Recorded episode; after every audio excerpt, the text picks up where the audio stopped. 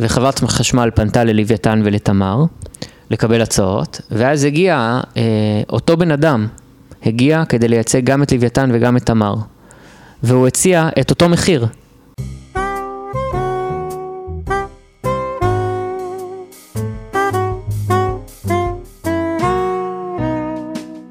אדם אקראי, הפודקאסט שאפשר בלעדיו.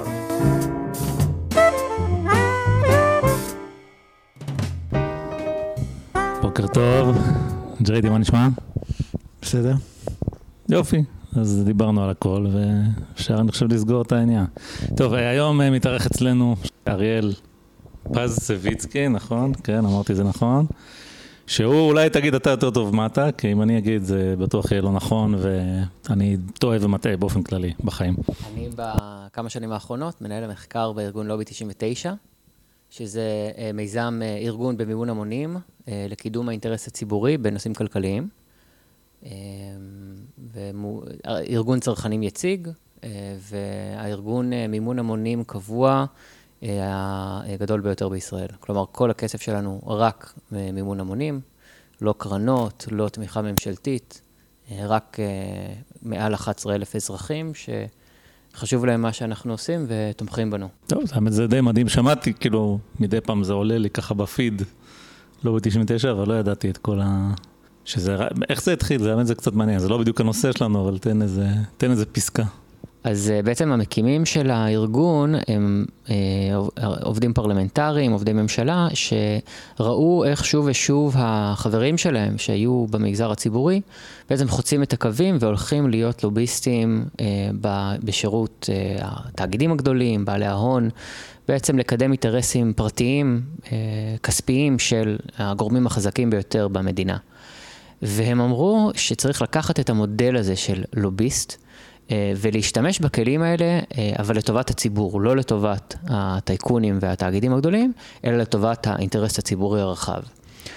ובעצם אנחנו, זה מה שאנחנו עושים, החברים, אותם 11 אלף פלוס, אה, בוחרים את הנושאים, ואנחנו לומדים אותם, מתמחים בהם, יש לנו כלכלנים, עורכות דין, רואת חשבון, יועצת משפטית, אני הקמ"ן של הארגון, מנהל המחקר, ואנחנו אה, פועלים בכנסת, בממשלה, בבתי המשפט. אה, הנוס... אתם מייצגים 11,000 אזרחים, לצורך העניין? אז כאילו... החברים הם מי שבוחרים את הנושא, הם מי שהם המצפן שלנו, אבל כשאנחנו מקבלים נושא כמו אה, פיננסים, או כמו נושא הגז שאנחנו נד... נעמיק בו היום, זה לא שאנחנו ברמה הטקטית, אה, החברים אומרים לנו תעשו ככה או ככה, אלא אנחנו באמת חושבים מה, מה עומד על סדר היום ואיפה אה, יש פה התנגשות בין האינטרס הציבורי הרחב לבין אה, האינטרס אה, של קבוצה קטנה, של תאגידים או אנשי עסקים. זאת אומרת, אה, אתם כן, בוא נגיד, תופסים את עצמכם ו... כמייצגים של הציבור הרחב, למרות שבאיזשהו מקום הלקוח שלכם או מי שמממן אתכם זה... מספר די קטן של כל אחד יכול להצטרף, זאת אומרת אם אני רוצה לקחת חלק בזה אני יכול לשלם את הדמי חבר או אני לא יודע כמה זה עולה. זה כל אחד לפי יכולתו, אין לנו uh, מינימום. כל אחד לפי צרכיו. Uh, יש לנו מקסימום אגב.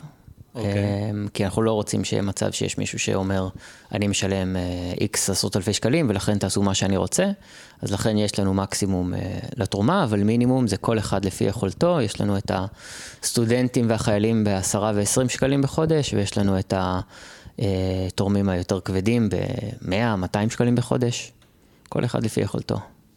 אני מדי פעם, אני עושה הפסקות טוויטר, כי זה מרעיל את הנשמה, ומדי פעם אני מתפתה וחוזר. אה, חזרתי לטוויטר לפני שבוע, שבועיים, ופתאום ראיתי את אה, חברי הממשלה מהימין, שהם התחילו לדבר על הגז וכמה טוב שהם הוציאו את הגז מהאדמה, לעומת השמאל שרצה לעשות משהו אחר, אני לא יודע בדיוק מה זה. ואני קצת כאילו הייתי מבולבל. למה מבולבל? כי לא, לא כל כך הבנתי את הקשר הפוליטי, זאת אומרת, יש פה יש פה משאב, מוציאים אותו מהאדמה ומוכרים אותו, זאת אומרת. לא, לא, לא כל כך הבנתי למה זה, כאילו, צד אחד הוא בעד גז וצד שני הוא נגד גז. אז דבר ראשון, רציתי להבין בעצם, מה, מה, מה זה הגז הזה? איזה, איזה גז? זה גז זה בישול? מה, מה זה? אז אנחנו מדברים על מה שנקרא גז טבעי. זה בעצם אה, איזשהו משאב שנמצא מתחת לאדמה, ספציפית הגז הישראלי הוא אה, מתחת לאדמה, מתחת לים. אמ, אה, בעצם עשו קידוחים בין שנות ה-90 וה-2000, כדי, על בסיס כל מיני סקרים גיאולוגיים שאמרו שיש סבירות למצוא גז. חשבו שאולי יהיה גז ונפט, בסוף מה שמצאו זה מאגרים די משמעותיים שיש בהם גז טבעי.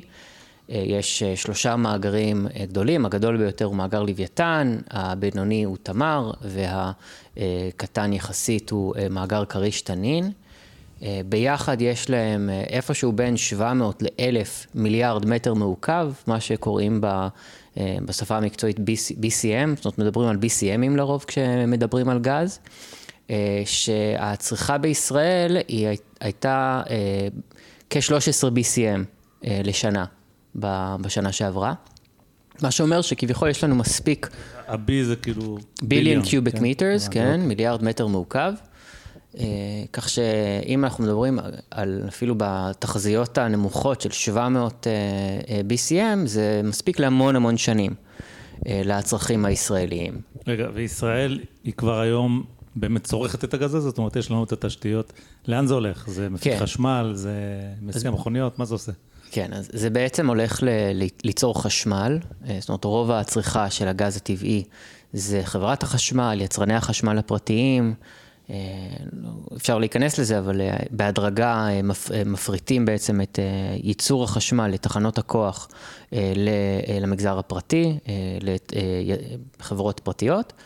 אה, ויש אה, גם צרכנים, בערך 20% מהגז נצרך על ידי התעשייה, כשזה בעצם מפעלים מאוד גדולים, יש להם תחנות כוח בתוך המפעל, נגיד מפעלי ים המלח, אה, בתי הזיקוק, הם מייצרים לעצמם את החשמל ולא תלויים ברשת, אז הם גם קונים את הגז. יש חברת הולכה ממשלתית, נתגז, שהיא, יש לה תשתית של צינורות שמרושתת על כל הארץ. כן. זה ככה התמונה אה, הכללית. זה, הבנתי. אז זה בגז שמיועד לייצור חשמל, אתה אומר, יש אה, נגיד 700 BCM, בין 700 ל-1000, זה לא נשמע לי עד כדי כך הרבה, כי כן. בשביל כל העולם, אבל זה סכום, זה כמות יפה. כן, עכשיו, אז... התחלת בלהגיד שהיו כל מיני אנשים שחיפשו את אותו הגז, גיאולוגים, אני קצת, קצת לא ברור לי, כאילו... אומרת, יש איזה גיאולוג מהאוניברסיטה שקונה מסכת צלילה ויורד לעומק הים ובודק מה הולך שם? כאילו, איך זה עובד בדיוק? זאת אומרת, הוא לא צריך להגיד לאף אחד שהוא מחפש? איך זה עובד? לא, יש uh, חוק הנפט, uh, הוא מסדיר את uh, מתן הרישיונות, יש את הממונה על הנפט במשרד האנרגיה. בעצם זה מתחיל באמת ממישהו שחושב שיש סיכוי אה, למצוא נפט וגז, ואז הוא פונה למשרד האנרגיה, מבקש רישיון, או שהמדינה עושה אה, מכרזים על הרישיונות האלה. אה, בישראל למדתי ושוחחתי ארוכות עם אחד בשם יוסי לנגוצקי, שהוא גיאולוג. ותיק, הוא, מאגר תמר זה על שם הנכדה שלו, קוראים לה תמר. אה, לבת שלו קוראים דלית, יש מאגר אה, קטנטן של 9 BCM אה, בשם דלית. אז הוא באמת משנות ה-80 עוסק בלחפש, או אפילו 70, עוסק בלחפש גז ביבשה, בים. הביא, הסיפור הוא שהוא הצליח להביא את הבריטים, בריטיש גז, לחפש. אה, הם כבר הבינו אה, מסקרים אה, גיאולוגיים שיש סבירות לא קטנה למצוא גז, איפה שהיום תמר ולוויתן, אבל מסיבות פוליטיות בריטיש גז עזבו ב-2005, ואז הוא התחיל לחפש מי, מי ייקח לו את, ה, את הזכויות, יצטרף איתו לזכויות, ויצחק תשובה ונובל אנרג'י, וגם קובי מימון דרך חברת ישראמקו. קובי מימון זה איש עסקים מאוד, מאוד משמעותי, שגם מחזיק את uh, רוב התחנות המרכזיות בארץ.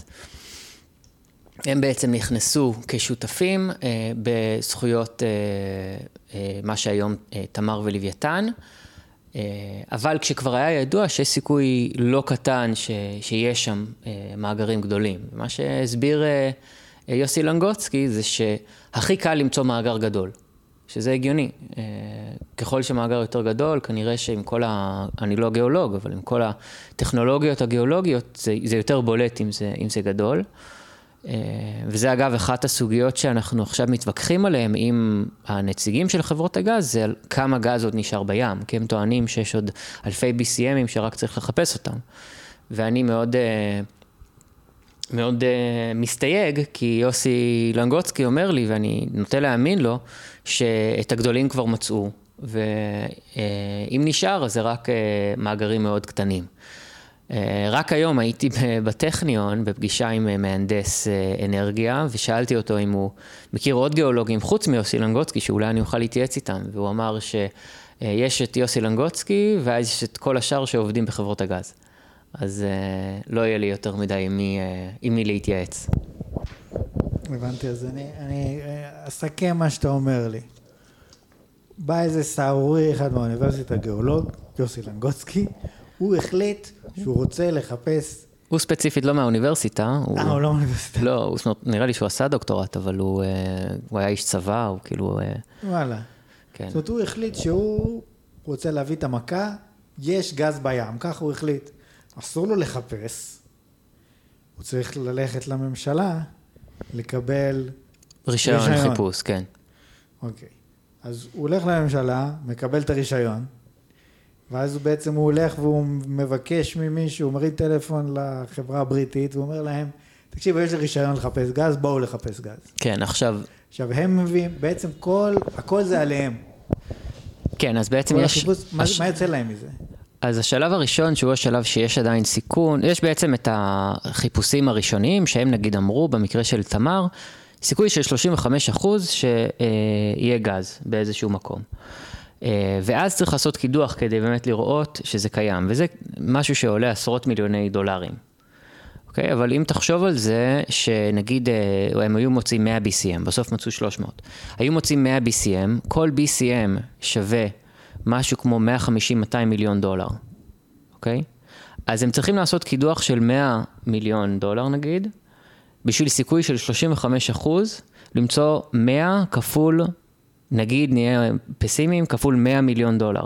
אז 10 מיליארד דולר ב-35 אחוז, בעלות של 100 מיליון. כלומר, מבחינת, אם אתה, אם הייתי ברור, התוחלת של הסיכון, של ההשקעה פה היא מאוד, אה, מאוד טובה. זאת אומרת, יעשו שלושה כאלה, ימצאו אחד ויעשו את, ה, את המכה.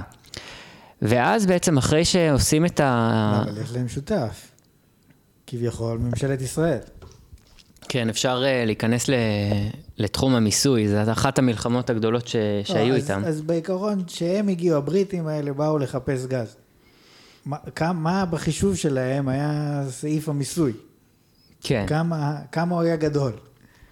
אז בזמנו, זה משהו שנידון בוועדה ציבורית, ועדת שישינסקי ב-2010, אולי שמעתם את השם, ולפני אותה ועדה הם העריכו שהמדינה מקבלת בערך אה, רבע עד שליש מהרווחים, והשאר הולך אה, לחברות. אה, שמה שמקובל בעולם זה הרבה יותר, זה בין 50 אחוז ל-80 אחוז, זה מה שמקובל בעולם. הרבה יותר לטובת המדינה. הרבה יותר לטובת המדינה. כן, ה-government take, החלק המקובל שהמדינה מקבלת, הוא מעל 50 אחוז. ברוב העולם, נגיד הולנד זה היה באזור ה-87 אחוז. אה, וואו. אה, שהמדינה מקבלת עכשיו. הרוב המכריע. כן, עכשיו זה, זה מהרווחים, כלומר קודם מחזירים את כל ההוצאות, ההשקעה, הוצאות שוטפות וכולי, ואז מהרווח זה מתחלק בין המדינה לבין ה, ה, ה, אה, היזם הפרטי. Okay. אוקיי. אני רק שנייה אה, אגיד שבאמת החלק של הקידוחים הוא כן חלק עם סיכון, ואז ההשקעות הגדולות זה אחרי שגילו, כלומר גילו את מאגר תמר, ידעו שיש בו 200 BCM, ואז התחילו את, אה, את הפיתוח, שזה עולה באזור השלושה מיליארד דולר הם הוציאו, אבל זה כשכבר הם יודעים שיש גז, כשכבר יש להם חוזה עם חברת חשמל, זאת אומרת זה כבר לא עם סיכון גבוה, זה גם לא היה, הרוב לא היה כסף של אה, תשובה ונובל אנרג'י, הרוב היה אה, אג"חים שהם הנפיקו כדי לפתח את זה. הלוואות מהבנקים, כלומר, זה כבר חלק שלא נעשה עם סיכון גבוה מצד היזמים. אוקיי, והחלק של המדינה ב... ההסדר שקיים בישראל, אמרת הוא 35 אחוז, משהו כזה?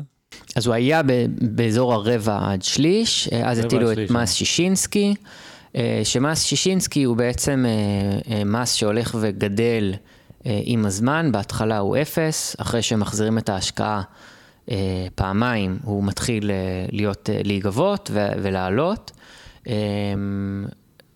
יש לנו, אה, אנחנו לא בטוחים, אנחנו לא יודעים מה החלק של המדינה במאגרי הגז, זה נתון שרשות המיסים לא מוכנים אה, אה, לשתף אותו. ביקשנו אותו, דרשנו אותו, בקשות חופש מידע, הם טוענים שזה חסוי, סודיות של החברות. אנחנו, אני כן אגיד שביקשנו את זה גם בהקשר של ים המלח, שם כן עשינו עבודה רצינית עם אה, רואת חשבון, והערכנו שזה בערך 35 אחוז שהמדינה מקבלת, והם גם, הם לא, לא הסכימו לתת לנו, ואז בדיון בכנסת, אה, רביב צולר, שהוא המנכ"ל של כימיקל, של כי"ל, אה, ששולטת במפעלי ים המלח, אז פשוט אה, אה, גלעד קריב אה, מהמחנה הציוני, הוא שאל אותו מה החלק של המדינה, והוא אמר לו, 37 אחוז. ועכשיו אנחנו יודעים, לא, הוא אמר לדעתי 42 אחוז, ואז אה, אה, משרד האוצר אה, תיקן אותם, שזה 37 אחוז, וככה בעצם, בגלל שפשוט שאלנו בלייב את אה, המנכ"ל של החברה, אז קיבלנו את, את התמונה של מה, מה הציבור מקבל. הבנתי. זאת אומרת, בסופו של דבר, אתה אומר לי שהסיפור הוא משהו כזה. היו ממשלות ישראל, היה חוק הנפט, והוא, אף אחד לא נגע בו, הוא לא עניין אף אחד. בשלב מסוים, אה, החליטו, אה, כאילו, גילו שיש גז, ואז אה, האזרחים, קרי אנחנו, האמת לא אנחנו, כי אנחנו לא עושים כלום אף פעם, אבל האזרחים התחילו להתעצבן. מה אמ, פתאום המדינה תקבל כל כך מעט ממאגרי הגז. כן, אני חושב שאני קראתי את הספר של יובל שטייניץ, שהיה שר, שר האנרגיה, ולפני זה שר האוצר. אה, הוא טוען שהוא זה ש... שהתעצבן מזה, כשהציגו לו את אה, חלק המדינה, אה, והוא באמת יזם את ההקמה של ועדת שישינסקי, שהטילה את המס החדש, ו... והוא ואיתן שישינסקי אה, בעצם אה, הגנו על המס, אה, גם בבג"ץ מול, אה, מול נובל אנרג'י, ובהצלחה, בג"ץ אישר את אה, הטלת המס. אה, ועם הזמן, גם הציבור אה, הצטרף לזה. אה, ב... עם זה היה... הזמן הציבור, זאת אומרת, אתה אומר, קודם היה ועדת שישינסקי ואחרי זה הציבור היה כש...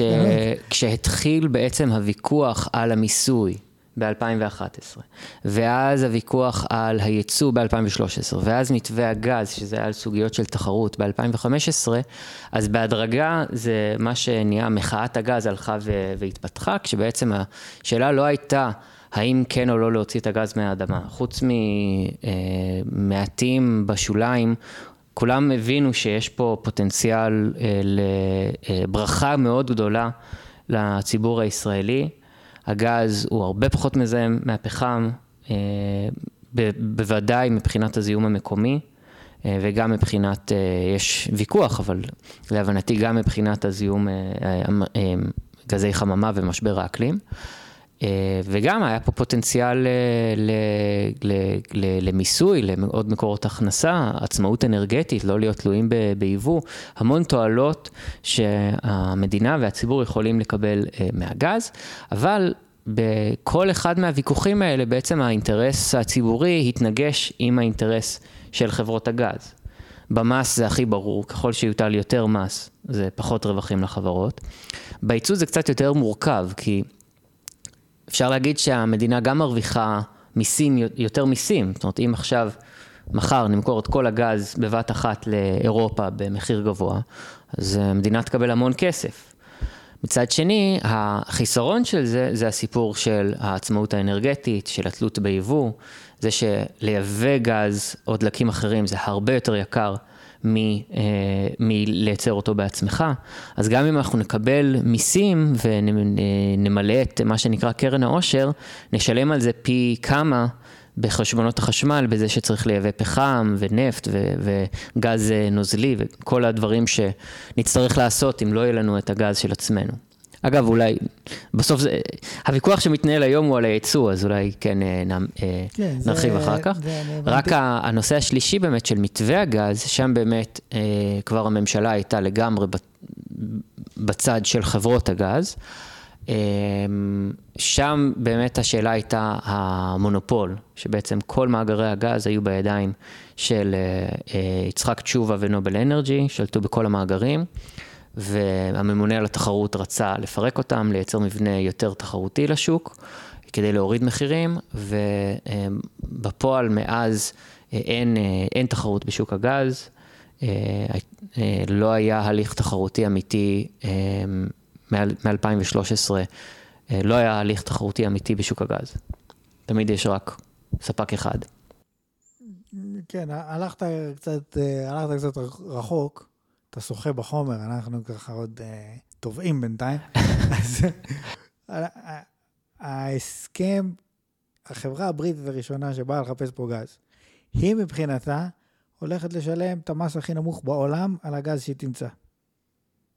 אמ, זאת אומרת, זה, זה האפיל שלה לחפש פה בכלל גז, זה בגלל המס הנמוך. תשמע, הרווחים כל כך גבוהים, אם אתה מוצא שגם, אה, זאת אומרת, גם במקומות שכן משלמים גס, ג, אה, מס גבוה, אה, החברות באות ו, ומחפשות, קח את מצרים לדוגמה, שהיא שכנה שלנו, זאת אומרת, המאגרים המצרים הם שכנים של המאגרים שלנו. יש שם חברה איטלקית, אני, היא המפעילה, היא כמו השברון, כמו שלנו יש את נובל שברון, אז להם יש את אני. אה, הם אה, אה, נותנים למצרים בערך 75 אחוז מה, מהרווח של המאגרים, והם עושים את זה בשמחה רבה, הם מרוויחים טוב מאוד, מיליארדים, תשואות מאוד יפות שיש להם. כן, זאת אומרת, זה... אז אתה אומר פה, לא, אתה כאילו מדבר פה בצורה, בלי יותר מדי רגש, אבל אתה אומר לי, זו פעם ראשונה שאני שומע את זה. שמפעלי ים המלח משלמים 37% מס, ושהמס uh, המתוכנן על מאגרי הגז היה מאוד נמוך, ולכאורה, אני, I'll take your word for it, זה כאילו שטייניץ שאמר לא, צריך להעלות את המס. כן, הוא... בלי שטייניץ היינו בכלל אוכלים אותה. כי כסף שהולך לנובל אנרג'י, בסופו של דבר, זה לא מגיע לציבור בישראל. אמ, נכון. אה, אני לא יודע מה היה קורה אם שטייניץ לא היה, אה, לדבריו, שם לב לזה. יכול להיות שזה היה, אה, בכל זאת הייתה מתעוררת המחאה. אני בזמנו הייתי קצין צעיר ופחות התעניינתי בגז. אמ, אבל אה, כן, אה, הוועדה הזאת הייתה אמורה, אה, המס החדש שהוועדה הציעה והתקבלה בכנסת, היה אמור להעלות את חלק המדינה באזור ה-50 אחוז, 50 עד 60 אחוז, שזה יותר ממה שמקובל בעולם. בפועל המס הזה מאוד מאוד התעכב, ואנחנו מעריכים שהחלק של המדינה הוא נמוך יותר, פחות מ-35 אחוז גם בגז. בינתיים. אה, אבל כאמור, יכול להיות שבגלל בגלל שזה מס שאמור להצטבר עם הזמן, אז יכול להיות שהמצב ב, בסוף יהיה יותר סביר. אתה אומר לי, ועדת שישינסקי הייתה אך ורק על נושא המיסוי, או שזה גם היה על כמה בעצם ישראל תשלם על כל קוב גז כזה? לא, אז ועדת שישינסקי הייתה על המיסוי, אה, כשאתה מדבר על המחיר, מחיר הגז שבעצם חברת חשמל או יצרני החשמל mm-hmm. משלמים, וזה בעצם אה, מגולגל אלינו בחשבון החשמל, זה היה יותר קשור למתווה הגז, זה היה קשור לסוגיית התחרות. הרעיון היה שאנחנו רוצים ליצור שוק תחרותי והתחרות תוריד מחירים, כשתמיד מה שעמד אה, ככה ברקע זה שיש למדינה סמכות גם להטיל פיקוח מחירים. אבל אף אחד לא רצה להשתמש בסמכות הזאת. גם היום אף אחד לא רוצה להשתמש בסמכות הזאת. סליחה. אמ, אז רצו לייצר, לייצר תחרות. בפועל, בהחלטה שמתווה הגז קיבלה, כאמור, הם אה, אה, לא, לא ייצרו שוק תחרותי, אנחנו יכולים לראות את זה, א', בהתפטרות של הממונה על התחרות, שאמר שזה לא ייצור שוק תחרותי, וגם במבחן התוצאה, שלא לא הייתה תחרות בשוק הגז מאז. אז אוקיי, אז אמרת שוועדת שישינסקי ומתווה הגז זה שני דברים שונים, זה כן. גם הפתעה. אה, מי בעצם הוביל את אותו מתווה הגז? זאת אומרת, מי, מי הדמויות שהן רלוונטיות בסיפור הזה? אז אמרנו, היה את, את uh, ועדת שישינסקי, ועדה ציבורית ב-2011.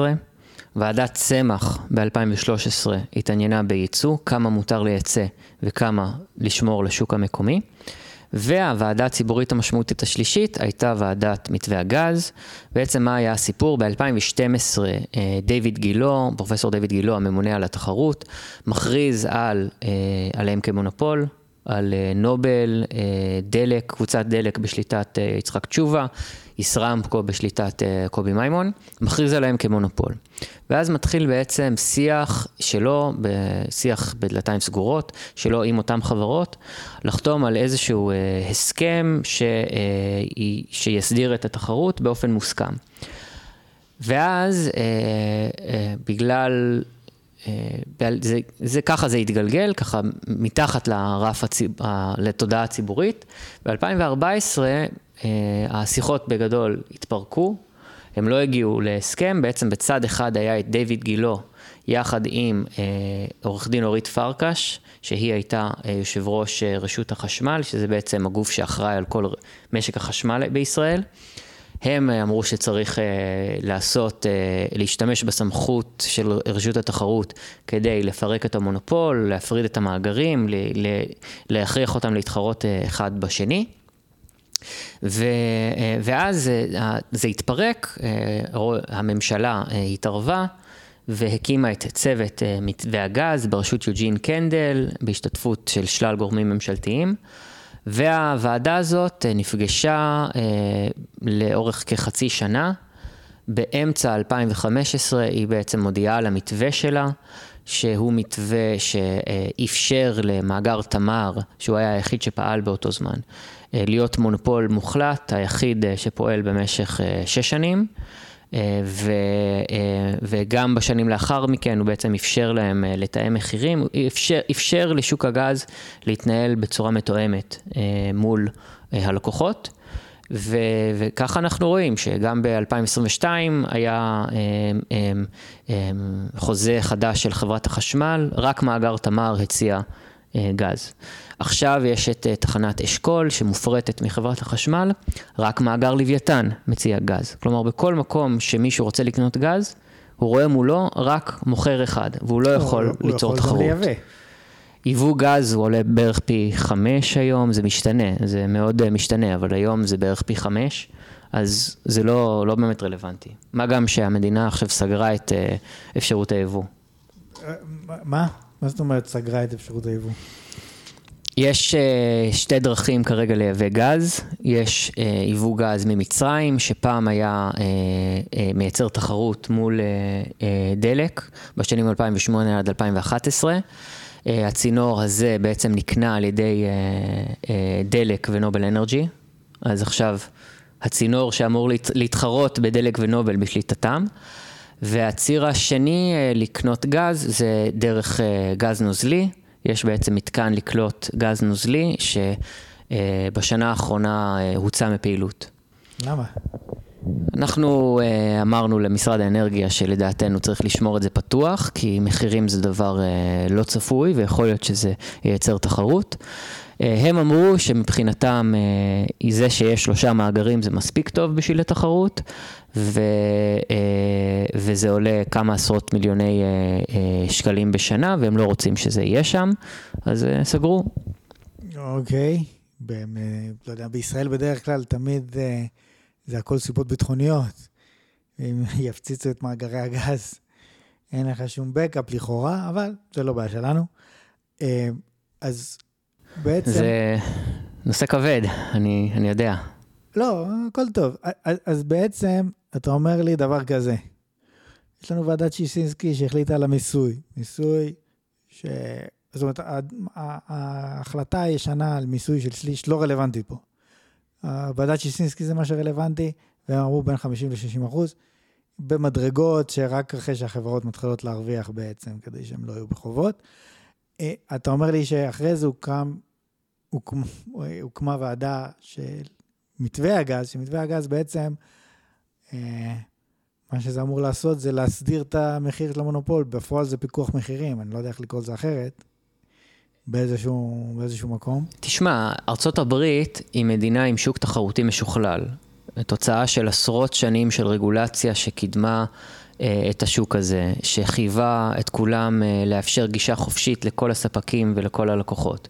הם מרושתים במאות צינורות, מאות ספקים, מאות לקוחות, וכל אחד רואה, הכל שקוף, כל אחד רואה מה המחירים אה, בכל מקום. והתוצאה היא מחיר מאוד נמוך. אם בישראל אנחנו באזור ה-4.5-5 דולר ליחידת גז, בארצות הברית זה בין 2 ל-3, תלוי בחודש. אז הם משלמים הרבה פחות מאיתנו בזכות תחרות, לא בגלל שמישהו הטיל פיקוח מחירים.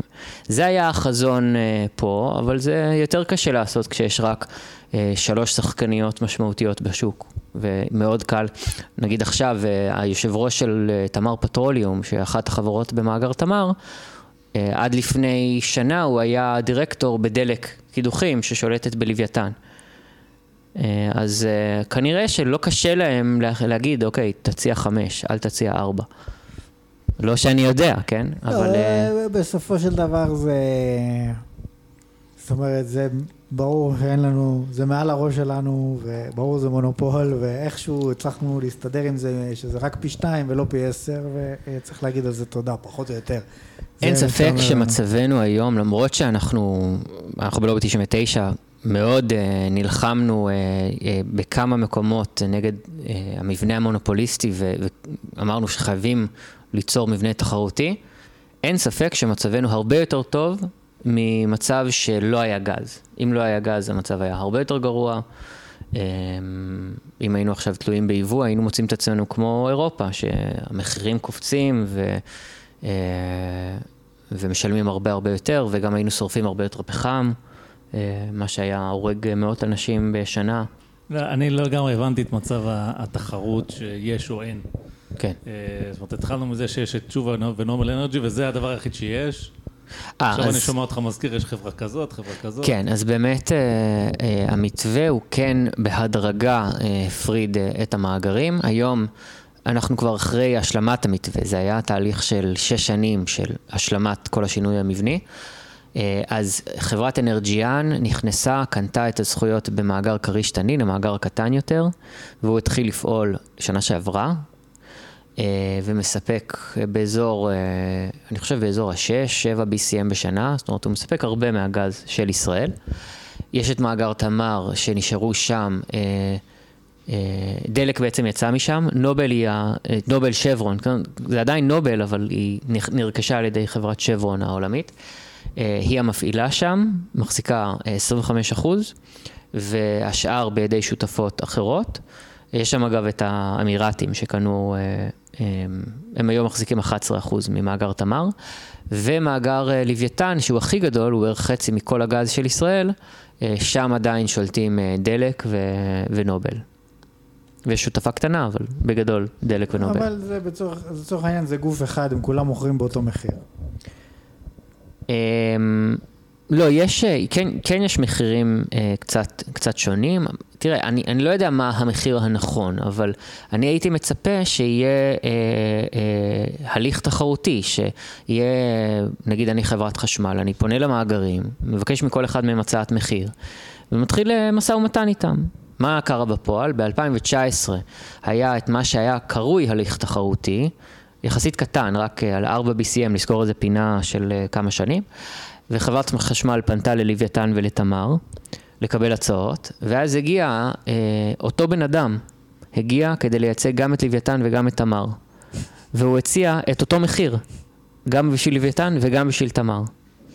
זה היה ב-2019. ב-2021-2022, כשהיה עוד חוזה גדול, אז ציינתי את זה, רק מאגר תמר הציע עוד, ועכשיו, ב-2023, רק מאגר לוויתן מציע, ולפני כמה שבועות פורסם נייר של משרד האוצר שאמר שמעכשיו לעתיד הנראה לעין, נראה שרק מאגר לוויתן עם כמויות פנויות, והם היחידים שיציעו גז למי שרוצה לחתום על עוד חוזה. בקיצור, אין שום תחרות, אין שום כלום, אבל אנחנו לא משלמים המון, אז כאילו, שנגיד תודה. כן, אבל נחסך המון כסף למדינה, על ידי זה שלא היו נציגים מיותרים, כי אותו בן אדם ייצג את... יש בזה משהו. אז אני חושב שצריך גם להגיד את הדברים הטובים. אז בוא, אוקיי, הבנתי את זה. אז, אז מה זה בעצם קרן העושר? שמעתי את המינוח הזה, ולא לא, לא, לא מבין איפה זה נכנס, נכנס פה. תראה, בדיעבד זה דבר שהוא די מיותר. אני אגיד, מה, היה, מה הייתה המחשבה? פחדו שאנחנו הולך, הולכים לקבל כל כך הרבה כסף מהמס החדש הזה, שזה יערער את ערך השקל, בעצם יחזק אותו יותר מדי, וזה יפגע ביצואנים. וזה מה שקרוי המחלה ההולנדית, זה משהו שקרה בהולנד, שמאוד פגע בכל שאר התעשיות שהן לא הגז, ואמרו, אוקיי, בשביל להימנע מזה, נקים קרן ריבונית, כמו שהמון מדינות עושות.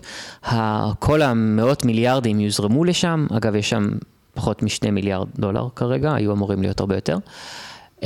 והקרן הזאת תנוהל על ידי מועצה ציבורית עצמאית שתנהל את הכספים רק בחו"ל ותשקיע ובעצם כמו שנגיד נורבגיה עושה, תנהל את הכסף לטובת הדורות הבאים. אז א', נכנס הרבה הרבה פחות כסף וזה חלק יחסית שולי מהכלכלה הישראלית, ההייטק לצורך העניין עושה הרבה יותר. למה נכנס פחות כסף? קודם כל, אנחנו גם נשמח לדעת, אנחנו דרשנו את הנתונים האלה מרשות המיסים בכמה וכמה פעמים. לאורך הזמן צצו כל מיני הסברים קטנים, הטבת מס קטנה פה, איזושהי הקלה שם, דחו את מועד ההכרזה על איזשהו שלב רגולטורי, וזה בעצם אפשר להם להכיר בעוד הוצאות. בעצם יש...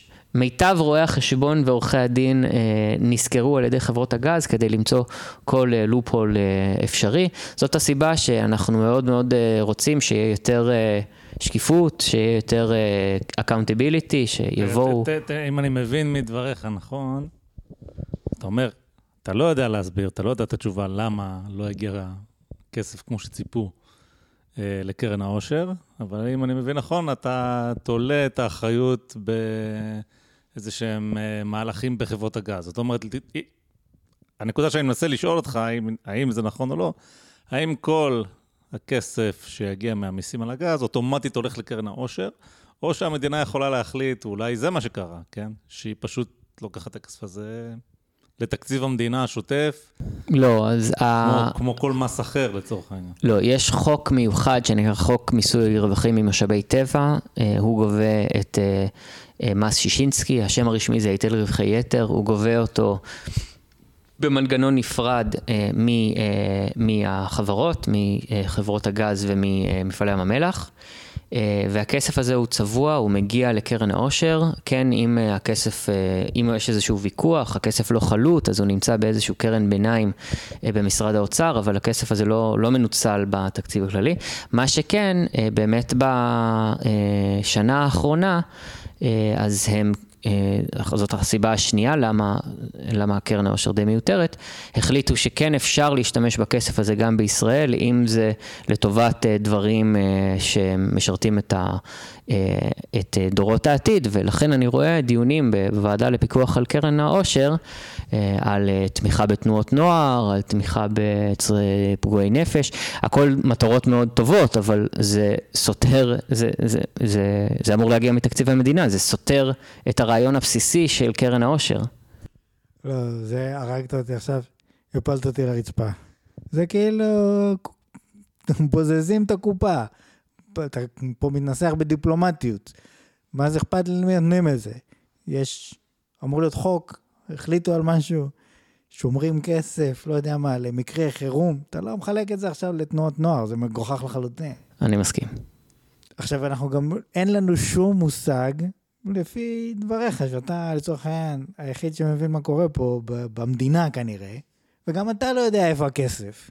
אנחנו לא יודעים, אנחנו לא יכולים להגיד באופן חד משמעי איפה הכסף, כי רשות המיסים, גוף של שקיפות, זה לא הערך המוביל אה, אצלו. אה, אנחנו רוצים לשנות את החוק כדי לחייב אותם אה, ליותר שקיפות במקרה של משאבי טבע. אה, אבל כן, כפי שציינתי, יש, יש לנו אינדיקציות. היה דוח של מבקר המדינה שהסביר שאפשרו לחברות הגז לדחות את מועד ההכרזה על התגלית כתגלית מסחר, כלכלית. כלומר, גילו את המאגר ב-2010, אבל ההכרזה על תגלית uh, כלכלית הייתה ב-2014. ואז כל הכסף שהוצא בין השנים האלה נספר כהוצאות חיפושים. שהם מקבלים מכפילים, בעצם זה הטבת מס של מאות מיליוני שקלים על ההחלטה הזאת. אגב, הממונה על הנפט שקיבל את ההחלטה, נחשו איפה הוא עכשיו עובד כיועץ, כמובן, בחברות הגז. זה, אני, אני אגב מסכים עם זה, אני חושב שזה צריך לחשב כהוצאות חיפושים, כי אתה כל התקופה הזאת מחפש איך לא לשלם את הכסף. וזה עולה, תשמע, זה הוצאות, אין מה לעשות. מה קורה בנורבגיה? בנורבגיה יש להם שיטה שונה, יש חברה ממשלתית שבעצם היא אה, שותפה של כל מיזם, היא בעצם אומרת, אה, אתם חושבים שיש גז איפשהו, אין שום בעיה, אנחנו אה, נשלם 70 אה, אחוז, ניקח 70 אחוז מהסיכון עלינו. אה, כלומר, אם הוצאתם ולא מצאתם, אז תקבלו את זה בחזרה כהחזרי מס. אבל אם מצאתם, אז אותם 70 אחוז זה חלק המדינה.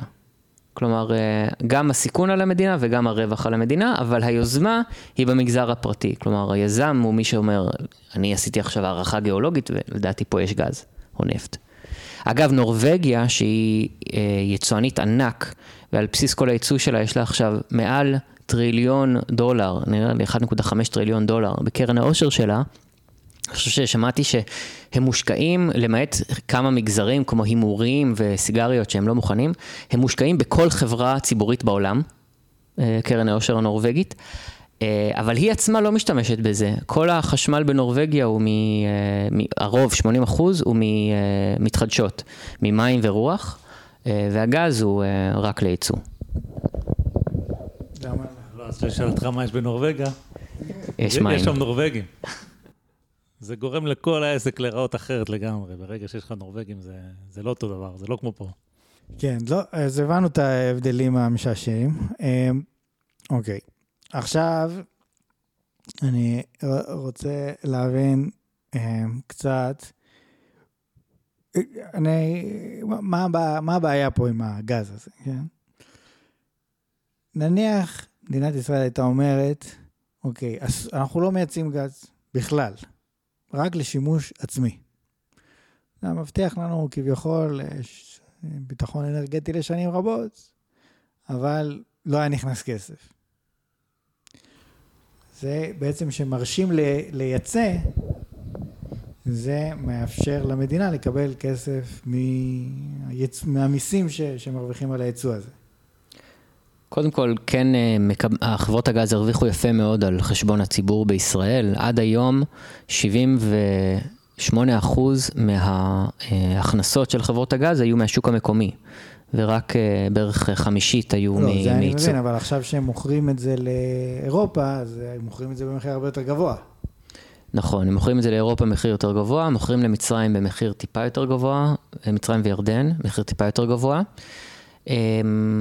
פה צריך לחשוב מה, איפה התועלת היא יותר גדולה. אם על כל BCM שאני מוכר, נגיד אני ארוויח פי שניים, אבל אם אני עוד חמש או עשר שנים, או אנחנו מעריכים שזה אזור ה-18 שנה, אנחנו צריכים להתחיל לייבא, אז על ה-BCM הזה אנחנו נשלם פי עשר.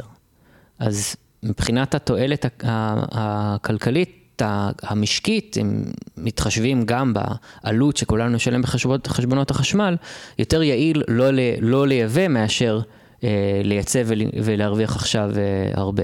אגב, זה לא רק אני אומר, זה גם איגוד הגז הטבעי, הלוביסטים העיקריים של חברות הגז, הם פרסמו ביוני דוח שאומר שבגלל שאנחנו היינו אה, עצמאים באספקת גז שלנו, המשק הישראלי אה, הרוויח 316 מיליארד שקלים בעשור האחרון, בזה שלא היינו צריכים להוציא הרבה על דלקים ובזה שהפחתנו את, אה, את זיהום האוויר.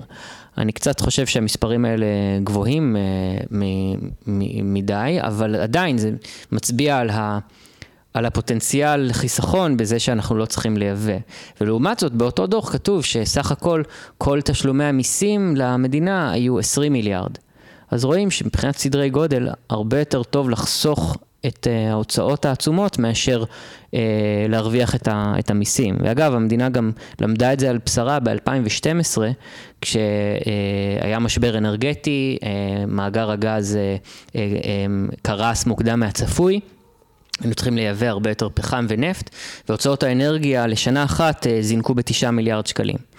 אז, אה, וזה כשהמשק היה יחסית קטן יותר, הצרכים שלנו הולכים ועולים, המשק החשמל צומח בשלושה, ארבעה אחוזים כל שנה. הבנתי. אז אתה אומר שלא מייצאים הרבה. כיום מייצאים הרבה, מייצאים בערך 80, בערך 40 אה, אחוז מהגז המופק. 40 אחוז, כי קודם היית ב... 20 ומשהו. בשש שנים הראשונות אה, הייצוא היה אוקיי. זניח, ומ-2020, ב-2020 זה התחיל לצמוח, ו-2021 זה כבר נהיה משמעותי. כי בעצם המחיר באירופה מאוד עלה, אז זה השתלם באיזשהו עד כה כל המכירות מישראל היו ל, אה, בגדול למצרים. אה, וואלה. אה, וכן, כנראה היו חוזים אה, אה, קטנים לאירופה בעצם דרך מצרים, כי למצרים יש מתקני הנזלה. אז הזרמנו גז למצרים, הנזלנו אותו, העלינו אותו לאוניות ומכרנו לאירופאים. הבנתי. ומי... האם הממשלה מחליטה כמה היא מרשה לייצא? כן. אז בעצם uh, הוועדה שהייתה באמצע בין שישינסקי למתווה הגז הייתה ועדת צמח. Uh, שאול צמח, מנכ"ל משרד האנרגיה, היום מנכ"ל אחת מחברות הגז.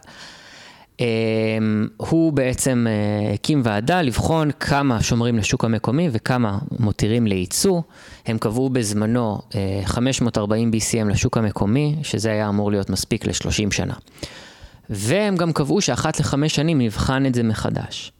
אז אנחנו, בח... אז זה היה ב-2013, ב-2018 ועדה קמה, לא שינתה יותר מדי.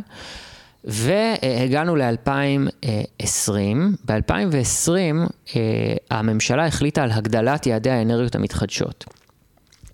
ואז אה, אה, חברות הגז בעצם לחצו ודחפו להקים את הוועדה הזאת מוקדם מהצפוי. כלומר, היה ב-2018 החלטה, בסוף 2020 ב- ו- ובעיקר ב-2021 הייתה ועדה כזאת שבחנה את הנושא על בסיס ההנחה שאנחנו מגדילים את המתחדשות, לא נצטרך יותר גז, גז זה אנרגיית מעבר, אה, צריך לייצב ולנצל את המשאב הזה כמה שיותר מהר, שלא ניתקע עם גז באדמה כשכל העולם כבר עבר למתחדשות. זה היה ב-2020-2021 כשהיינו בעולם הרבה יותר אופטימי. ואז, סוף 2021 המחירים כבר התחילו לעלות. שם אנחנו כבר התחלנו אה, אה, בעצם לחשוש, ובעצם זה התחיל משיחה שלנו עם חברת החשמל, כששאלנו אותם למה הם לא, אה, הם עושים תחרות בין לוויתן לתמר, ששניהם מפיקים, והם אמרו, אה, הם, הם אומרים שאין מספיק, את כל הגז שלהם הם, הם רוצים לייצא. אה, ואז התחלנו לחשוש, התחלנו להסתכל על המספרים. וראינו שאם אתה לוקח את התחזיות של חברות הגז על כמה הן מתכננות למכור כל שנה, ואתה מצליב את זה עם כמה משרד האנרגיה חושב שהמשק צריך, אז באזור 2040 הצירים מצטלבים. כלומר, מה שאנחנו צריכים מצטלב עם מה שאנחנו מפיקים. היום אנחנו בעודף מאוד גדול, אבל העודף הזה ילך, ילך ויקטן וזה יצטלב ב-2040. ואז התחלנו להיפגש עם משרד האנרגיה, בהתחלה הוא אמר שהוא חושב שאנחנו מגזימים, אמ, ו, אה, ועם הזמן גייסנו עוד ועוד אנשים ששכנענו אותם וגרמנו להם לצאת ולהגיד, כן, יש בעיה של מחסור בגז, כשה... אמ, אה, שוט, בעצם הדבר המשמעותי ביותר היה כשמשרד האוצר יצא ובעצם אמר לפני כמה חודשים שהוא צופה שיהיה מחסור בגז כבר עוד 15 שנה, שזה יותר חמור אפילו מאיתנו. אבל אני שנייה עושה פה בלאגן, דיברתי על הוועדה שרצו להקים, כי חשבו שעוברים למתחדשות, ורצו לשחרר, לאפשר להם לייצא כמה שהם רוצים. אבל קארין אלהרר, שרת האנרגיה, היא בעצם דחתה את הדבר הזה ואמרה, היא לא רוצה עכשיו לשחרר את הייצוא.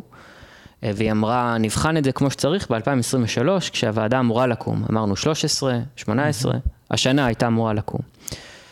ואז אנחנו פונים למנכ"ל משרד האנרגיה בתחילת השנה, צריך לדבר על זה, צריך להקים את הוועדה. אגב, הם אמרו לנו בעל פה שכן, כן, עוד מעט מקימים את הוועדה, אבל לא, לא ענו לנו בכתב לפנייה, לא עונה לנו. פונים שוב, פונים לשר. משרד האנרגיה לא רוצה לדבר איתנו על הסיפור של ייצוא הגז, ואנחנו מבינים שהכיוון של שר האנרגיה הוא אה, לאשר את אה, כל הייצוא שחברות הגז אה, רוצות לייצא. הם רצו לייצא ביחד באזור ה-230 BCM, שזה, אם העתודות שלנו הפסימיות הן 700, אז זה בערך שליש מהעתודות המוכחות של ישראל. זה היה דבר שלדעתנו היה מאוד מאוד לא אחראי. אז דרשנו שתוקם הוועדה, אותה ועדה שאמורה לקום עכשיו, דרשנו שהיא תקום, דרשנו שלא יאשרו את ההיקפים העצומים האלה בלי שמבטיחים את הביקוש המקומי, ובהתחלה משרד האנרגיה דחה אותנו, אבל בזכות זה שמשרד האוצר התגייס לטובתנו, אז הדבר עלה דרג, בעצם הגיע לראש הממשלה, שהנחה כן להקים את הצוות. וזה הסטטוס שאנחנו נמצאים בו היום, לפני שבועיים הודיעו שהצוות יוקם, ואנחנו עכשיו מחכים, לא רק מחכים, פונים, מנסים להבין מה קורה עם הצוות. זה סיפור מופרע, אתה מודע לזה שזה סיפור מופרע. כן, אגב, זה מזכיר לי את מה שאמרת בתחילת השיחה, שזה כאילו נהיה עניין של ימין ושמאל, אבל כאילו, בצד שלנו יש את בצלאל סמוטריץ', שאני לא חושב שמישהו יכול להגיד עליו שהוא שמאלני. אבל הוא uh, כנראה יותר, uh, uh, בנושא הזה, הוא כן uh, uh, חושב על טובת, uh, טובת המדינה, ובאמת לדעתי הוא קיבל שם... מי זה שר אנרגיה? לא. שר אנרגיה, סליחה, ישראל כץ. אה, ישראל כץ. ישראל כץ, אגב, הוא, הוא שר האנרגיה רק לשנה, הוא בסוף השנה עובר להיות שר חוץ, אבל בינתיים הוא uh, רוצה... אז מה... אז... זה נורא משונה, זה סתם, זאת אומרת, אין פה ימין ושמאל, זה סתם... כן, אגב, יש... גישות. שונות לחיים. יש חברת כנסת מהעבודה, רויטל סואד לשעבר, שהיא היום עובדת באיגוד הגז הטבעי. אז גם, כאילו, הימין ושמאל זה לא באמת עובד כאן. אגב, יש גם שר, שר תשתיות מ- מהעבודה של שנות ה-90, שגם עובד ב- או עבד באחת מחברות הגז. אין פה באמת ימין ושמאל. הבנתי. בדרך כלל כשאתה נכנס לדברים האלה, אז אתה מבין את זה, כן. כן, זה טוב, אולי זה מה שבדיוק אמרת, והרבה מאוד תוכניות שאנחנו עושים בנושאים פוליטיים, הגענו כבר מזמן למסקנה שהתוויות ימין ושמאל הן מיועדות להשמצה בלבד, לא כל כך עוזרות להבין את המציאות, רוב הזמן לפחות. אבל אתה, אתה אמרת שזה מופרע לגמרי, אבל למה? זאת אומרת, אולי מכל מיני היבטים. זה מופרע, כיוון שכאילו יש את לובי 99, שמציק למשרד האנרגיה על הסיפור הזה, ואם הוא לא היה, אז זאת אומרת, אתה לא יכול לסמוך על דברים שהתנהלו כמו שצריך. זה השורה התחתונה. זאת אומרת, אני, בוא, בוא אני אגיד לך דבר כזה, כן? אנרגיות מתחדשות ב-20 ש... זאת אומרת, ישתמשו בגז ב-20 שנה הקרובות, זה אני יכול להבטיח לך, אוקיי? צריך לחזק את תנועות הנוער וצריך כל מיני דברים, אז אני בטוח... אגב, רק, רק היום רשות החשמל פרסמה שהיא אה, לא הולכת לעמוד ביעדי האנרגיות המתחדשות ל-2025. לא, זה, זה אין כל כך שאלה. כן. אנחנו יודעים מה אה, יעביר את משק האנרגיה העולמי לאנרגיות מתחדשות, וזה שיגמר הדלק הפוסילי. זה, זה מה שיעביר אותו. זאת אומרת, כמובן שאנחנו מאוד מאוד רוצים שזה יקרה לפני, כדי שלא נצטרך לסבול בתקופת המעבר, אבל אה, אנחנו מכירים את אה, בני האנוש, וככה זה מתנהל. אז, אז כאילו, אם אתה מדבר על ביטחון המדינה, אז זה אחד הדברים שהם הכי חשוב לי בביטחון המדינה, זה הנושא של העצמאות האנרגטית. לגמרי. אנרגיה זה הדבר הכי חשוב בעולם. הכי, כאילו, הנה, תראה את נורבגיה, עם ה-1.6 טריליון שלהם, תראה את האמירויות, תראה את סעודיה, יש מדינות שלמות שחיות רק על זה. ולהגיד, אוקיי, נייצא כדי שלא יודע מה, יהיה שגשוג כלכלי רגעי, זה נראה לי אה, התחרפנות טוטאלית. בטח שגם, כמו שאתה סיפרת לנו, סליחה שאני נכנס לקטע אישי, כי אני לא העניין פה, אבל כמו שאתה סיפרת לנו, על זה שאף אחד לא מבין איפה הכסף בקרן העושר, אז כנראה גם הכסף מהיבוא, אף אחד לא יודע איפה הוא. אז לפחות שגז יהיה. אוקיי, כן, רצית להגיד משהו? אה, לא, אני, אני רק חשבתי על זה שאם כבר אה, מייצאים הרבה, זה כן חשוב. אם זה היה הולך לקרן העושר, אולי יוצא מזה משהו. אתה, אתה לא יודע את העתיד, יכול להיות ש... לא יודע מה. תעשה השקעות בקרן העושר, אולי זה ישתלם יותר מ... מ... מלהחזיק את הגז. אני לא אומר שכן, אני לא אומר שלא, אני רק אומר שלפחות היה אפשר לחשוב על זה. אם בסופו של דבר אנחנו פשוט מחלקים את הכסף הזה לטובי ידידינו, לתנועות הנוער שאנחנו חפצים בעיקרם, ואני לא יודע איזה עוד דברים, לא יודע למה נטפלנו לעניין הזה של תנועות נוער. כי הזכרת את זה, אני בטוח שיש עוד כל מיני... בקיצור, משתמשים בזה בשביל uh, לעשות מה שבא לנו, uh, ולא משקיעים את הכסף, אז uh, אוקיי, אז זה באמת uh, שערורייה. טוב, בואו... אני חושב שיש לנו תמונה לא רעה על הסיפור הזה, אבל עכשיו יש לי שאלה אחרת. מי מאבטח בעצם את מתקני הגז האלה? אה, הסיפור הביטחוני הוא סיפור שאנחנו, האבטחתי הוא סיפור שאנחנו בלובי כמעט ולא נוגעים בו, אבל בגדול מדינת ישראל זה נכס אסטרטגי, אה, היה אה, רכש מאוד משמעותי של כלים לחיל הים. כדי להבטיח את זה, כי באמת יש לזה, זה נכסים אסטרטגיים שצריך להגן עליהם במקרה של מלחמה. זה יעד מאוד uh, ברור ובולט בשביל uh, הטילים של חיזבאללה וסוריה ואיראן ואולי גם חמאס, אני לא יודע אם לחמאס יש יכולת לפגוע באסדות.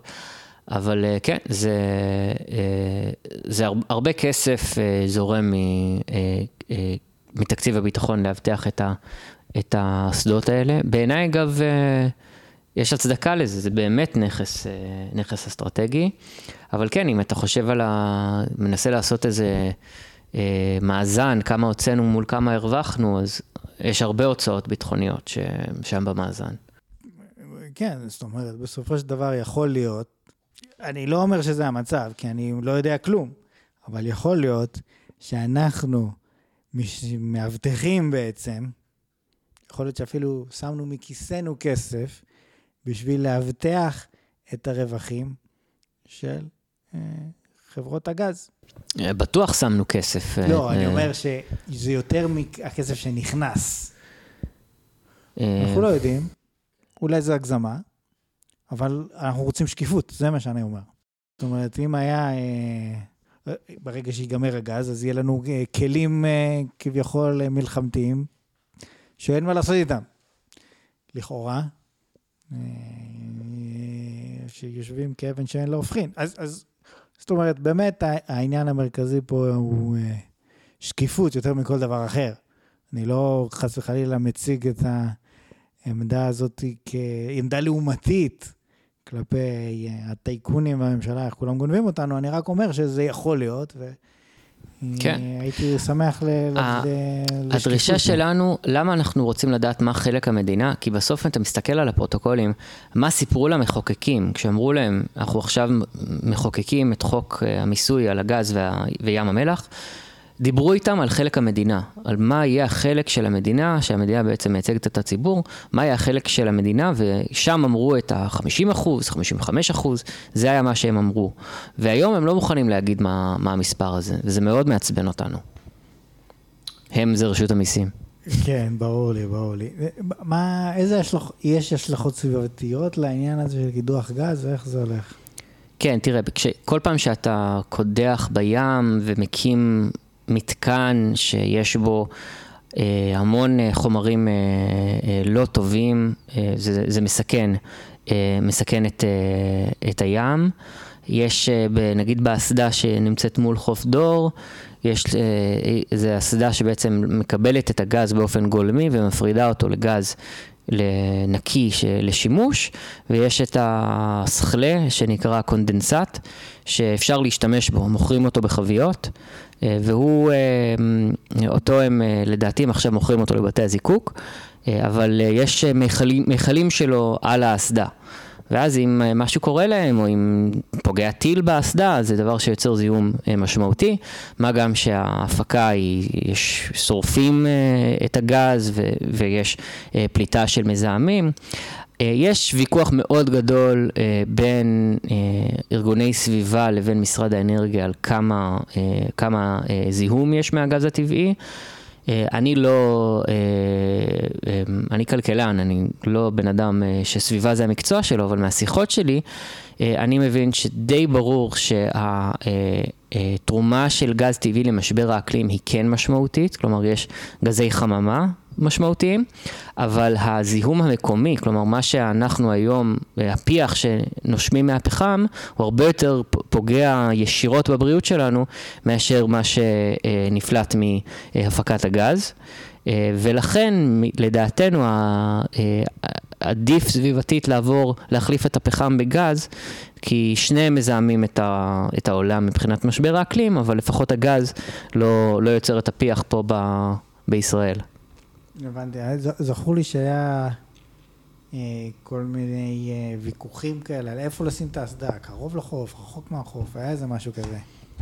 כן, זה ויכוח שהוא היה לפני שלובי 99 אה, אה, התחיל לעסוק בנושא, אנחנו התחלנו ב-2018, היה ויכוח על איפה האסדה תמוקם. אה, מכל מיני שיקולים החליטו להקים אותה איפה שהיא מול חוף דור. אה, אני חושב, מה שאני מכיר, שמשרד אה, הביטחון רצה שזה לא יהיה רחוק מדי כדי שיוכל לאבטח את זה בצורה יותר בטוחה. וזה עורר מאוד את ההתנגדות של ארגוני סביבה, בעיקר בהובלת התושבים המקומיים שם, שחששו, ולהבנתי בצדק, שזה כן יזהם להם את המרחב.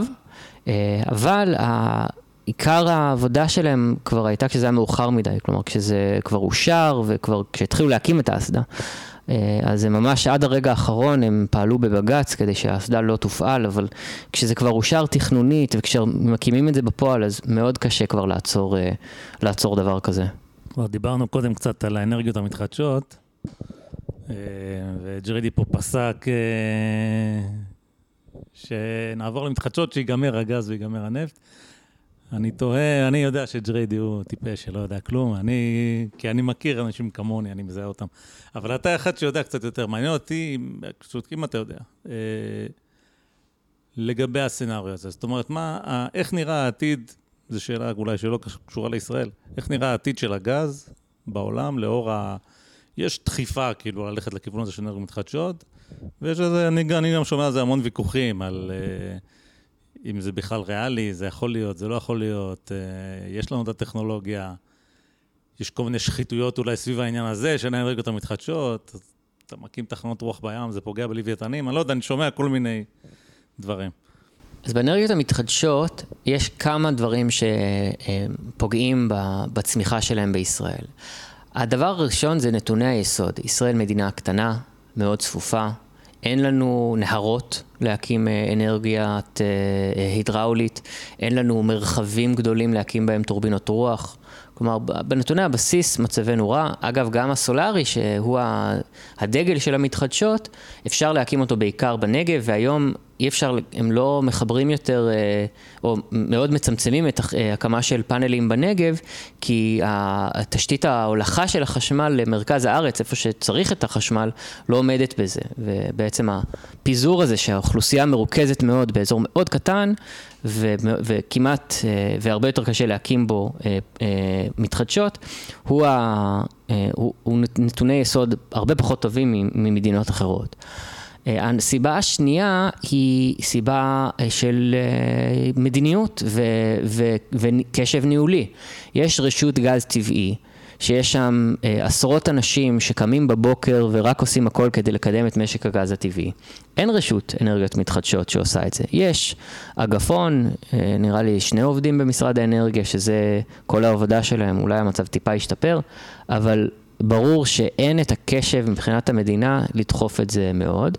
והסיבה השלישית היא כי גם אה, במתחדשות יש התנגדות של תושבים מקומיים, אה, בעיקר בסיפור של טורבינות רוח, שבגדול לא, לא באמת קיים ב- בישראל, קיים בהיקפים מאוד מצומצמים. זה ספציפית נושא שאני אה, חוקר אותו עכשיו אה, אה, בדוקטורט שלי, ועברתי על פרוטוקולים שממש ההתנגדות של ארגוני סביבה וארגוני תושבים מקומיים לטורבינות רוח היא מאוד מאוד עזה. הם גייסו את כל הרשויות המקומיות להתנגד לזה. ו, וזה פלוס אה, אה, ככה רצון מאוד אה, נמוך מצד הממשלה, אה, הוביל לזה שכמעט ואין אה, טורבינות, אה, טורבינות רוח. אוקיי, ו- אבל בעולם הגדול לצורך העניין, לא נוכל לייצר יותר גז, כי אף אחד לא יקנה יותר גז, כי לכולם יהיה אנרגיות מתחדשות. זה משהו שהוא נראה בימי חיינו, ממה שאתה יודע, או שאתה לא יודע? תשמע, ש... ב-2020 אה, סוכנות האנרגיה הבינלאומית אה, פרסמה הערכה שלה שהולכים להיגמל מדלקים עד 2050.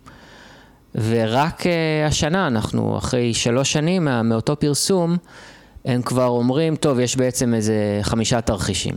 שאולי אה, הביקוש יהיה אותו דבר, אולי הוא קצת ירד, אולי הוא מאוד ירד, והם בעצם לא יודעים מה, מה יהיה. כי זה, אם יש משהו שלמדנו סביב המלחמה באוקראינה, שמחירי גז, ביקוש לגז, זה דבר מאוד מאוד דינמי. אה, אני חושב שמאוד מאוד אה, ייזהרו מלהגיד שהעולם הולך להיגמל מדלקים פוסיליים בשנה מסוימת. אה, אגב, משרד האנרגיה עצמו אמר, הוא, הוא הצהיר שהוא רוצה להגיע ל... לאפס פליטות עד 2050, אבל הם מסבירים בעל פה, כששאלתי אותם בכנסת, הם הסבירו שהם בעצם מתכוונים לעשות לכידת פחמן, שזה איזה טכנולוגיות שאתה איכשהו לוכד את הפחמן מהאוויר. אה, הם לא מתכוונים להפסיק אה, את השימוש בגז, הם, הם, הם רוצים שהלכידת פחמן אה, תאפס את הפחמן שהגז יוצר. אז אין שום תרחיש שישראל נגמלת מגז כרגע. ולדעתי רוב העולם גם.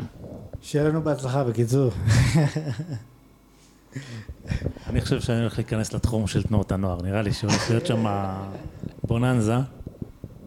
מתישהו בקרוב, אני לא יודע להגיד לכם בדיוק מתי, אבל זה הולך, זה הולך להיות גדול. תנועות נוער. אה, טוב, אריאל פז-סביצקי, אה, תודה רבה על כל התורה שהרבצת בנו.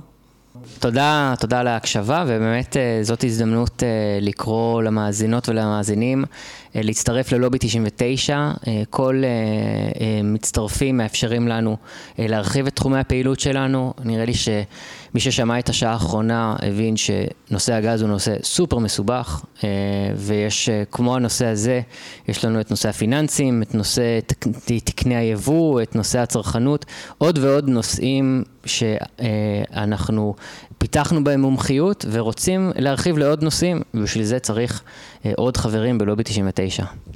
אז תודה רבה לאריאל פז-סביצקי, תודה רבה לג'ריידי, תודה רבה לחושף. אני רוצה להודות, אה, כן, לקרן העושר שמימנה את הפרק הזה. יאללה, סלמתק, על הדבר.